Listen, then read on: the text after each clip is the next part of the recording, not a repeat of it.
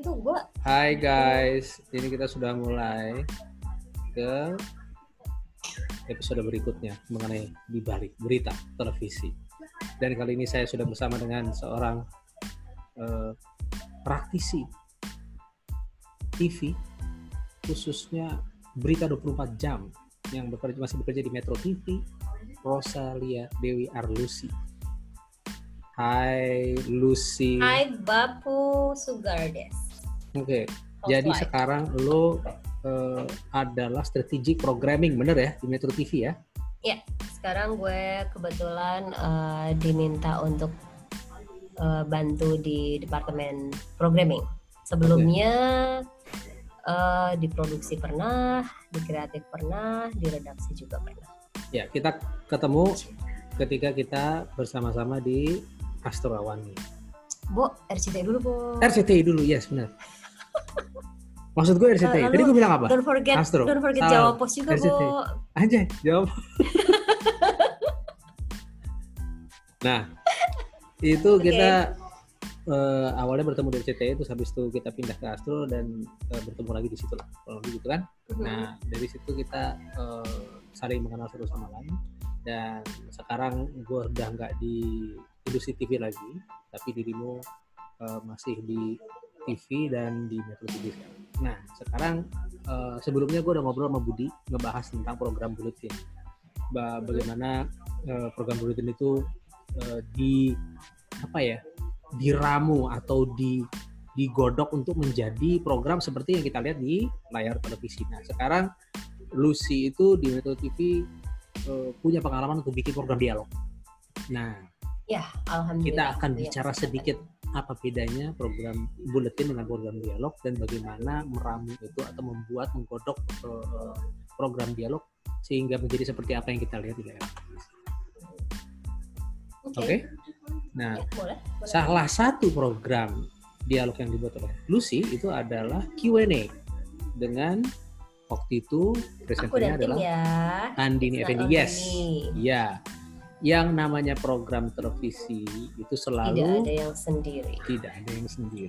Iya. You're right, kamu kanan. Nah, sekarang salah satu episode yang mau kita bahas ini adalah pindah ke rumput tetangga. Coba bisa cerita sedikit Contohnya nggak ya. mengenai Ya, apa? jadi ini itu eh kalau dilihat di tayangannya ya, rekaman ini Juli bulan Juli tahun 2018. Jadi sudah satu tahunan lewat ya. Eh, Hmm. kebetulan aku di programming itu sudah sekitar setahunan. Nah ini dan program ini itu eh, kebetulan aku menggawangi program ini sejak di awal berdiri. Jadi ikut menggodok konsepnya, ikut apa memulai uh, episode perdananya. nah, yang menjadi unik adalah program Q&A ini uh, rasanya belum pernah ada ya di Indonesia atau kalau ngeliat di TV-TV lain kayaknya baru baru kali ini ada program yang berbeda dengan program dialog lain. Kalau misalkan tadi uh, lo sempat bilang baik program ada program dialog di buletin, ada program uh, dialog juga yang bukan di buletin sebetulnya basically sama, tapi bedanya kalau di program yang sendiri kayak gini dan panjang durasinya ini butuh banyak sekali elemen show. Satu setengah jam ya? Ini ya. Kebetulan ini satu setengah jam, tapi awalnya dulu satu jam. Hmm. Awalnya satu jam, kemudian diperpanjang jadi satu setengah jam mengingat eh, banyaknya peminat, kemudian eh, seru banget tema-tema yang waktu itu kita angkat. Gitu.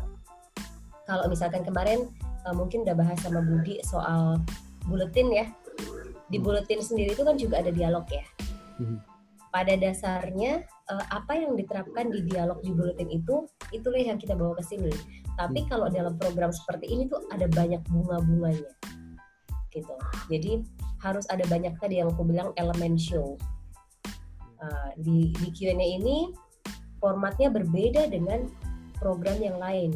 Q&A ini dulunya kita bikin itu konsepnya adalah narasumber itu akan Hmm. berhadapan dengan para panelis. Para Hmm. panelisnya itu dulu jumlahnya tuh bisa mencapai 8 orang. Narasumbernya bisa satu, bisa dua, bisa tiga. Mereka bisa didudukan langsung berdua, langsung bertiga. Nah kayak gini nih dua nih ya. Dua Hmm. narasumber di sisi kanan, kita kan tadi pakai judul pindah ke rumput tetangga Hmm. dua eh, di sisi kanan 8 di sisi kiri. Sorry, ini mumpung lagi sini bisa stop dulu, baik? Ya. Oke. Nah, jadi aku jelasin konsepnya dulu ya. Mhm. Jadi Q&A itu konsepnya adalah kita mempertemukan panelis dengan narasumber, yang mana panelis-panelisnya ini diharapkan bisa menjadi representasi eh, dari publik pemirsa, pemirsa dari masyarakat. Mhm. That's why panelis-panelis yang hadir di sini tuh beragam. Ada yang seniman, ada yang politisi, ada yang pengamat, ada yang artis, ada yang komika, ada yang bahkan ibu rumah tangga biasa juga ada. Gitu, anak muda juga ada. Jadi kita pengen eh, melihat ada pertanyaan apa sih dari masyarakat yang diwakili orang oleh orang-orang panelis ini yang ini mereka tanyakan ke para narasumber yang kita hadirkan. Nah, kebetulan dalam episode kali ini pindah ke rumput tetangga kita berbicara soal orang-orang yang pindah haluan dari profesi dia sebelumnya. Jadi ini eh, kalau episode yang ini tadi kita lihat ada siapa tadi tuh? Ada Haji Komar ya, Omar ya sama siapa tadi satu lagi ya? Aku tadi satu lagi gua tidak begitu memperhatikan Uh, jadi intinya kita ingin bertanya ke mereka apa yang membuat kalian kok akhirnya mau terjun ke politik. Hmm. Padahal kita tahu politik itu dengan dunia kalian yang dulu itu jauh berbeda. Jadi ingin mengupas betul-betul. Karena sudut pandang pertanyaan dari seorang yang muda dengan yang tua pasti akan berbeda. Sudut pandang pertanyaan politisi dengan sudut pandang artis juga pasti akan berbeda. Itu sebabnya kita hadirkan para panelis dari beragam latar belakang untuk tanda kutip nyecer atau nanya menguliti narasumber yang kita hadirkan. Itu konsepnya. Itu yang pertama ya. Kalau Hmm. tadi kita lihat eh, programnya diawali dengan bumper. Kemudian setelah bumper, Andini eh, opening. Kita nyebutnya opening ya. Selamat malam pemirsa dan menyaksikan kembali Q&A bersama saya Andini Effendi bla bla bla bla bla. Terus ada prolog semacam pengantar, pengantar opening Mhm. eh, tentang yang memberikan konteks atau gambaran kali ini kita akan bahas tentang apa sih gitu kemudian diundanglah tadi eh, yang tadi si Pak Haji Komarnya pura-pura hampir mau jatuh itu Iya. gitu kan emang dasarnya pelawak ya jadi Mhm. dia ingin coba selalu menceriakan suasana di mana pun dia berada Oke, setelah kalau diperkenalkan iya, dia juga perkenalkan panelis Hmm. gitu nah ini iya, yang sekarang lagi kita lihat nih boleh di play iya. nah ini adalah bagian dari elemen show yang tadi gue bilang baik Hmm. Jadi kalau misalkan hanya sekedar memperkenalkan akan bosan. Nah ini adalah uh, salah satu varian bagaimana cara kita memperkenalkan panelis. Jadi panelisnya nggak diperkenalkan, ya kita hadirkan Lucius Karus, peneliti formatif. Kita hadirkan uh, jurnalis Windy Dia. Tapi kita kemas dalam sebuah uh, VT pendek yang agak-agak komikal kayak tadi untuk memperkenalkan VT itu adalah? panelis yang dihadirkan. VT itu adalah itu semacam maksudnya VT apa? I- itu singkatan dari apa? Coba ya. Itu, itu, itu sebenarnya istilah yang dipakai untuk eh, menjelaskan bahwa ada video yang kita play, Ya, Ya kan? betul. yang kita Itu putar. semacam video pengantar atau Ya. uh, video trailer something like that lah ya. mm-mm. Kalau untuk bahasa awamnya mungkin kayak video cuplikan pendek Iya. yang akan bantu uh, para penonton untuk memperjelas ini ngebahas apa sih. Ya mungkin video insert lah ya. Ya, Ya, bisa, jadi bisa, bisa memasukkan dibilang video yang mem- memasukkan ada video yang diputar eh, di, eh, pada saat-saat tertentu. Nah, dalam hal ini video yang diputar kebetulan memperkenalkan panelis yang jumlahnya ada delapan, salah satu. Nah, video video yang diputar ini dibuat sebegitu menariknya sampai menggabungkan ada elemen grafik, video maupun foto, eh, musik dan segala macam. Ya, kurang lebih gitu ya. Yes, Nah, terus you eh, are right. eh, kamu kan. Jadi, Yes, selalu. Hmm, Nah, ini eh, itu kan sebenarnya bagian dari show, gitu kan? Itu yang tadi lo Hmm. bilang sebagai elemen, elemen show. show. Ya, elemen show ini kan sebenarnya eh, apa yang membuat sebuah program menjadi Tayangan menjadi menarik. lebih menarik, ya. Nah, Hmm. tapi eh, dalam satu segmen ini kan ada satu setengah jam, berarti ada enam segmen, 6 segmen. Nah, ya. Enam segmen, satu segmen itu sebenarnya segmen itu adalah bagian dari program yang kalau dalam hal ini untuk program satu setengah jam satu segmen kira-kira antara 10 sampai 15 menit. Satu segmen nggak nyampe dong, nggak nyampe. Kan ada iklan. 10 Ya 8 lah. ya amannya sih 8 karena Iya. kalau misalkan di Metro kan kita ada headline juga ya. Mm-mm. ada headline news which is itu adalah di luar segmen. Ya Nah itu di luar segmen se- program. setiap program dialog beda-beda tuh. Pendekatannya kayak Najwa Shihab itu bisa sampai 15 menit satu segmen. Aku juga, aku juga pernah pegang mata Najwa dan Kik Candy, tapi rata-rata memang segitu. Kalau yang terakhir-terakhir ini, kalau misalnya Mhm. dicek di YouTube ya, itu bisa sampai 15 menit. Nah, jadi tergantung dari Oh, ininya itu segmen gendutnya berarti Nah, ya. segmen Tapi gendut. setelah itu, setelah itu pasti segmennya akan jauh lebih sedikit. Oke. Paling cuma untuk closing atau summary, Iya, karena yang gendutnya udah diambil di awal. iya. Gitu Oke. karena mungkin itu kan itu sebetulnya strategi segmentasi juga jadi nggak bisa dalam satu jam itu lo bagi rata misalkan satu jam lo bagi jadi empat segmen Iya.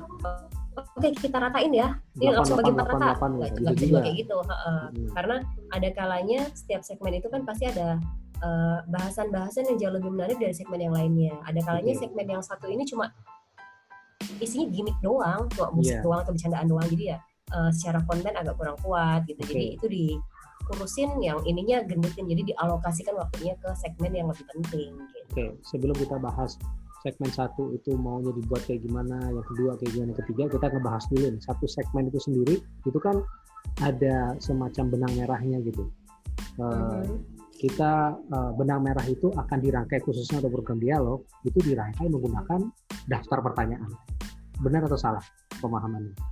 Betul betul Nah. betul betul Nah, betul. daftar pertanyaan yang lebih dibuat, temaknya adalah kita Nah. bikinnya itu klaster dulu hmm, klaster tema segmen satu bahas apa Oke. segmen dua bahas apa nah Oke. dari situ baru diturunin tuh pertanyaannya apa termasuk Oke. elemen-elemen show apa saja yang bisa mendukung Kalau gitu itu. kita bahas bagaimana caranya menetapkan sebuah tema itu cocok untuk segmen tertentu. Kalau misalnya segmen satu, berarti kan ini di awal nih. Kita angkat tema yang paling menarik di segmen pertama atau justru kita taruh tema yang paling menarik itu di tengah atau di akhir. biasanya sih yang paling terbaru ya yang paling kekinian Oke, Itu itu, di kita segmen, di segmen satu. Oke, di awal Ha. setelah segmen dua mungkin nggak. Mungkin bisa lanjut ke segmen dua. Bisa lanjut, tapi tentunya bayangannya kan tensinya itu sedikit menurun dong, ya kan? Karena Sedikit semua hal yang ya, seharusnya bisa. dibahas. tergantung ya tergantung ya. Karena ada beberapa tema yang dan narsum yang sampai segmen akhir juga masih seru-seru aja gitu masih yang Oke, hot-hot aja gitu. Oke. Nah terus segmen tiga, ketika masuk segmen tiga, ini kan segmen tiga itu kan di, tengah-tengah gitu kan, segmen tiga dan segmen empat. Untuk segmen enam, gitu kan? Eh, Kira-kira kalau segmen di tengah itu kan seharusnya eh, teorinya tuh kalau misalnya sempat na turun di segmen dua, segmen tiga harus naik lagi dong. Iya nggak? Mhm. Nah, Mhm. itu tema yang sama sekali baru at- maksudnya masih berkaitan tapi bukan bukan ngebahas tema yang sudah dibahas di segmen 1 atau segmen 2 gitu. Pema- Ya, bagaimana bagaimana lo menentukan apa kira-kira tema berikut di segmen 3 dan segmen 4? Nah, itu dia tadi gue bilang clustering. Jadi eh, biasanya kalau untuk menentukan kita mau main apa, tema besarnya pasti udah ketahuan. Dengan Hmm. menentukan atau mengundang narsum A atau B, pasti kita udah tahu nih kita mau nembak apanya nih, kita mau gali apanya nih. Nah, satu narsum itu kan biasanya dia punya banyak sekali turunan. Punya banyak sekali turunan tema yang bisa kita gali lagi, subtema lah ya. Hmm. Gitu. Jadi kalau misalkan tadi lo bilang segmen 2 udah mulai agak turun, segmen 3 ya kita harus bikin apa lagi, angkat lagi sesuatu yang baru yang mungkin mungkin sudah agak lama peristiwanya, tapi itu menjadi kontroversial pada masanya itu. Kaitannya dengan narsum tadi. Oke. Gitu. Jadi, Jadi, unsur kekiniannya jadi nomor dua di sini. Ya kan sebelumnya Iya, segmen satu karena kan kekinian kan tadi sudah, sudah, dibahas. diambil di segmen Ya, satu atau oke. dua bahasannya di situ jadi berlanjut mungkin ke segmen dua nah segmen tiga baru kita apa namanya semacam galinya lebih deeper lebih lebih dalam gitu ya terus eh, gimana caranya untuk mengingatkan biasanya di segmen segmen segmen setelah itu selalu ada eh tadi part of element show-nya either dia dalam bentuk SOT SOT itu eh, soundbite ya Sound atau on tape cuplikan ya. uh, cuplikan cuplikan suara orang uh, Wawancara orang, ya. sesuatu gitu ha. Mm-mm. terus udah gitu atau enggak tentang paket kita bikinin paket berita pendek uh, yang ada kaitannya dengan tema yang mau dibahas itu Misalnya Sebagai lagi pengantar. Iya, yang memberikan konteks ini ngebahas Iya. apa sih Oke. atau mungkin juga uh, bisa jadi kita apa namanya menghadirkan grafis Hmm. uh, cuplikan-cuplikan berita gitu. Ini VT lagi nih, tapi bedanya kalau tadi kan VT itu kan bisa SOT, bisa paket, bisa grafis, gitu kan ada Hmm. banyak kan. Nah itu tinggal di kita tentuin aja mau pakai yang mana supaya nggak bosan kan. Jadi jangan VT hanya isinya SOT semua, tapi bisa kita Iya. combine dengan banyak hal. Oke. Oke. Nah, terus oh, oke. Jadi bayangannya memang ada tema besar, terus kita bagi menjadi beberapa cluster, terus habis itu yang pertama pasti kekinian, yang di tengah mungkin eh, kekinian, unsur kekiniannya sudah masuk ini ke- sambil di play supaya kita Iya. bisa lihat suasananya si Q&A yang Ah. white shot-nya aja. Nah, terus masuk ke segmen terakhir, segmen terakhir itu sudah penutup gitu kan. Jadi seharusnya lebih ringan gitu. Mhm. Tapi Gimana? sebelum sebelum berbicara soal penutup, Mbak, yang juga Hmm. perlu diingat untuk eh, membuat dialog itu adalah kita harus punya klimaksnya masing-masing di setiap segmen. Oke. Jadi lo nggak bisa membiarkan klimaksnya itu hanya ada di segmen awal atau segmen akhir. Mhm. Tapi ibaratnya lo harus punya amunisi atau senjata yang bisa lo pakai di setiap segmen yang ada. Kalau lo punya enam segmen, so you have to, you must have six um, apa namanya Climax, senjata yang bisa lo Iya. yang bisa lo lo pakai gitu. Jadi biasanya itu yang akan membuat tadi yang udah dragging turun eh, Naik lagi. jadi naik lagi gitu. Mhm. Kenapa kalau misalkan kita semuanya di pulling di awal udah pasti bakal switch the channel orang-orang. Mhm. Oke. Jadi memang klimaksnya itu yang harus kita jaga. Jadi ya ibaratnya kayak eh, strateginya lah ya. Kalau Oke. lo mau berperang, nggak mungkin lo nembakin semua senjata lo di awal. Lo juga Ya. tetap harus punya backup di belakang. Gitu. Just in klimaks itu- depan. Klimaks Mhm. itu tentunya kan ada berbeda-beda gitu kan. Ada yang klimaksnya tegang, ada yang klimaksnya eh, lucu. Yes, yes, yes, yes. mengharukan. Klimaksnya belum belum tentu belum tentu klimaks yang serius semua enggak. Iya. Tapi sesuatu yang sangat lucu, sesuatu yang surprising itu juga part of klimaks. Oke. Gitu. Oke. Jadi Nah, terus pada ada saat akhir yang bisa dikenang lah intinya di setiap Nah, segmen. ini ini satu hal yang mungkin menarik untuk dibahas Eh, di bagian akhir itu kan harus ada kesimpulan tuh karena kalau misalnya kita udah Hmm. nonton sesuatu dan pada akhirnya tidak ada kesimpulan tertentu yang diambil yang bisa dibawa yang kita bis- bisa bawa ke dalam kehidupan kita sehari-hari itu kayaknya ada yang kurang gitu kan kalau istilahnya kalau di film itu moral of the story nah itu ada nggak pertimbangan itu ketika bikin program dia pasti ada lah. Tapi Hmm. balik lagi, eh, kadangkala kita kalau bikin program juga eh, kita menempatkan bahwa penonton kita itu rasanya sudah cukup pintar untuk bisa mengambil kesimpulan sendiri, sehingga Hmm. kita nggak perlu mendirect mereka untuk bisa, oke kalian harus begini, kalian harus begini ya. Hmm. Karena dalam untuk Q&A ini ya, kita betul-betul paparkan dari semua sisi. Hmm. Bahwa memang ada semacam eh, bukan kesimpulan, kita menyebutnya tuh monolognya eh, Kang. Maman. Apa? Kang Maman. Enggak, oh si, di ini sini Maman. di, di program ini ya Ya, dalam program ini Kang Maman. Kalau misalkan dalam mata Najwa ada catatan Najwa. catatan aja ya Ah, itu jadi eh, apa namanya itu juga salah satu trademarknya program Mata Najwa ini juga trademarknya program Q&A pada saat itu ya.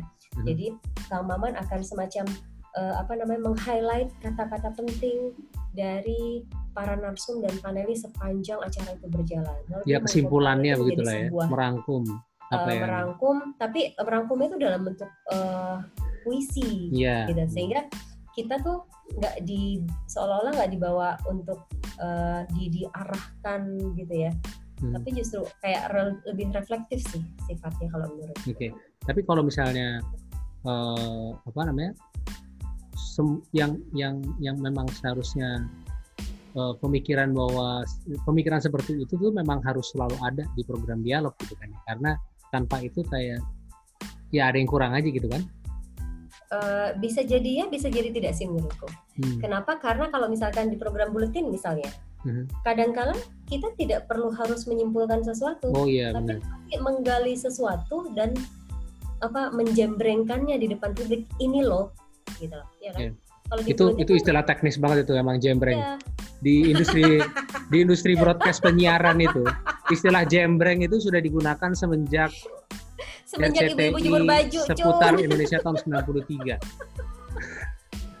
ya well. Jadi beberapa Iya. istilah kan kita bicara soal VT tadi misalnya gitu kan. Salah satunya adalah chamber. Temennya Viti emang dia. Iya, iya. Oke, baiklah. Eh, terakhir gini, itu kan kita udah bahas ya cluster dan segala jadi eh, benar-benar kalau menurut gue sih eh, informasi yang valuable. Eh, tapi kita bicara sama satu segmen aja. Tadi kita udah sempat singgung sedikit bahwa dalam satu segmen itu dibagi eh, alurnya, alur dari satu segmen itu diatur menggunakan daftar pertanyaan. Nah, tadi udah dibilang bahwa satu segmen itu kan ada tema tertentu yang mau diambil. Nah, dari tema itu kemudian dipecah lagi menjadi subtema Mhm. ya kan nah biasanya berapa dalam satu segmen berapa subtema tiga Tergantung. hmm. Tergantung. Minimal tiga lah ya. Apakah karena kan pasti akan ada follow up question, oke ya kan? terus habis itu dari Paling subtema Kita itu siapkan ya 2 sampai 3. dari dua sampai tiga dari uh, Terus habis dari satu tema, itu kita bahasnya jadi misalnya tiga nih, tiga tiga pertanyaan utama. oke Nah, Apalagi dalam dalam program ini Q&A ini ada delapan panelis, Bo. Delapan Hmm. panelis dengan isi kepalanya masing-masing. Ini dalam satu setengah jam program belum tentu mereka dapat tiga kali nanya, dapat dua kali nanya aja udah alhamdulillah. Ya. Gitu. Karena memang konsepnya kayak gini yang kita rancang. Tapi kalau misalkan dia one on one narsum, bisa jadi eksplorasinya akan lebih banyak. Gitu. oke baiklah kalau begitu Gitu Eh, doang. yes untuk uh, gue buatnya gue buatnya gue buatnya singkat-singkat gitu loh Lus. jadi supaya nggak terlalu Oke. panjang nanti abis itu kita ngobrol lagi oke Ya, boleh, boleh, boleh. ya sejauh ini eh, ini thank you banget kalau menurut gue ini yang sangat berharga nanti masih masih lagi ya. basic banget sih itu ya masih Yes. dasar banget maksudnya masih banyak banget yang bisa digali dari sebuah dialog gitu. Oke, nanti kapan-kapan kita ngobrol lagi ya Lus thank you banget. Dah. Welcome, Bapu bye. Bye